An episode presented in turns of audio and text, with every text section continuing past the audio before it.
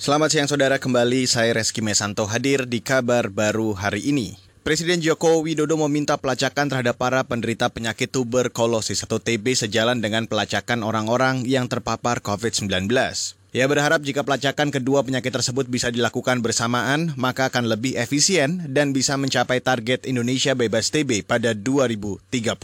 Oleh sebab itu, kita memiliki target untuk pengurangan tuberkulosis pada tahun 2030 ini menuju ke bebas tuberkulosis dan untuk mencapainya saya minta diperhatikan beberapa hal. Saya kira seperti yang kita lakukan sekarang ini, kita sudah memiliki model untuk apa COVID, yaitu pelacakan secara agresif untuk menemukan di mana mereka harus dilakukan. Ini mungkin kita nebeng apa COVID ini kita juga lacak yang DPC.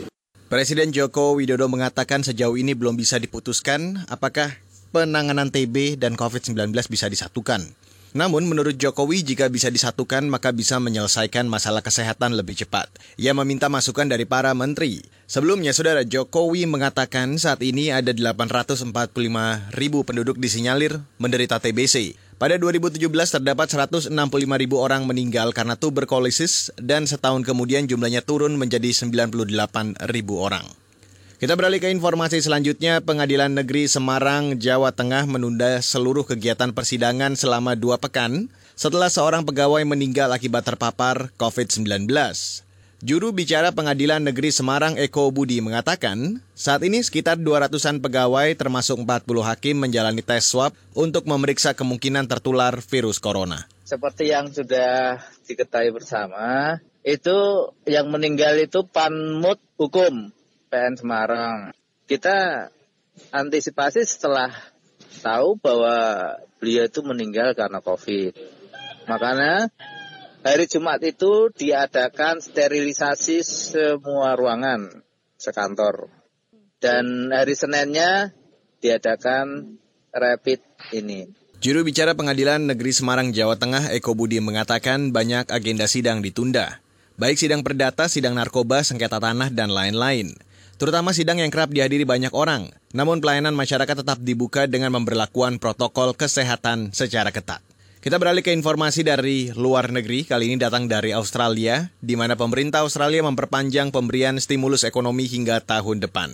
Mengingat belum ada kepastian kapan pandemi COVID-19 akan berakhir, Perdana Menteri Australia Scott Morrison mengatakan suntikan modal akan diberikan kepada pengangguran dan pengusaha yang sedang berjuang bertahan hidup di masa pandemi. Setidaknya hingga akhir tahun ini dan kemungkinan besar diperpanjang hingga tahun depan. Mengutip AFP Australia, saat ini kemungkinan juga bakal menghadapi ancaman resesi untuk pertama kalinya dalam 30 tahun terakhir. Pemerintah akan meningkatkan stimulus untuk program penyelamatan ekonomi dengan anggaran ditingkatkan menjadi 86 miliar dolar Australia atau sekitar 890 triliun rupiah. Pengumuman itu disampaikan pemerintah Australia tidak lama setelah Melbourne memberlakukan penguncian wilayah atau lockdown guna mencegah gelombang kedua pandemi COVID-19.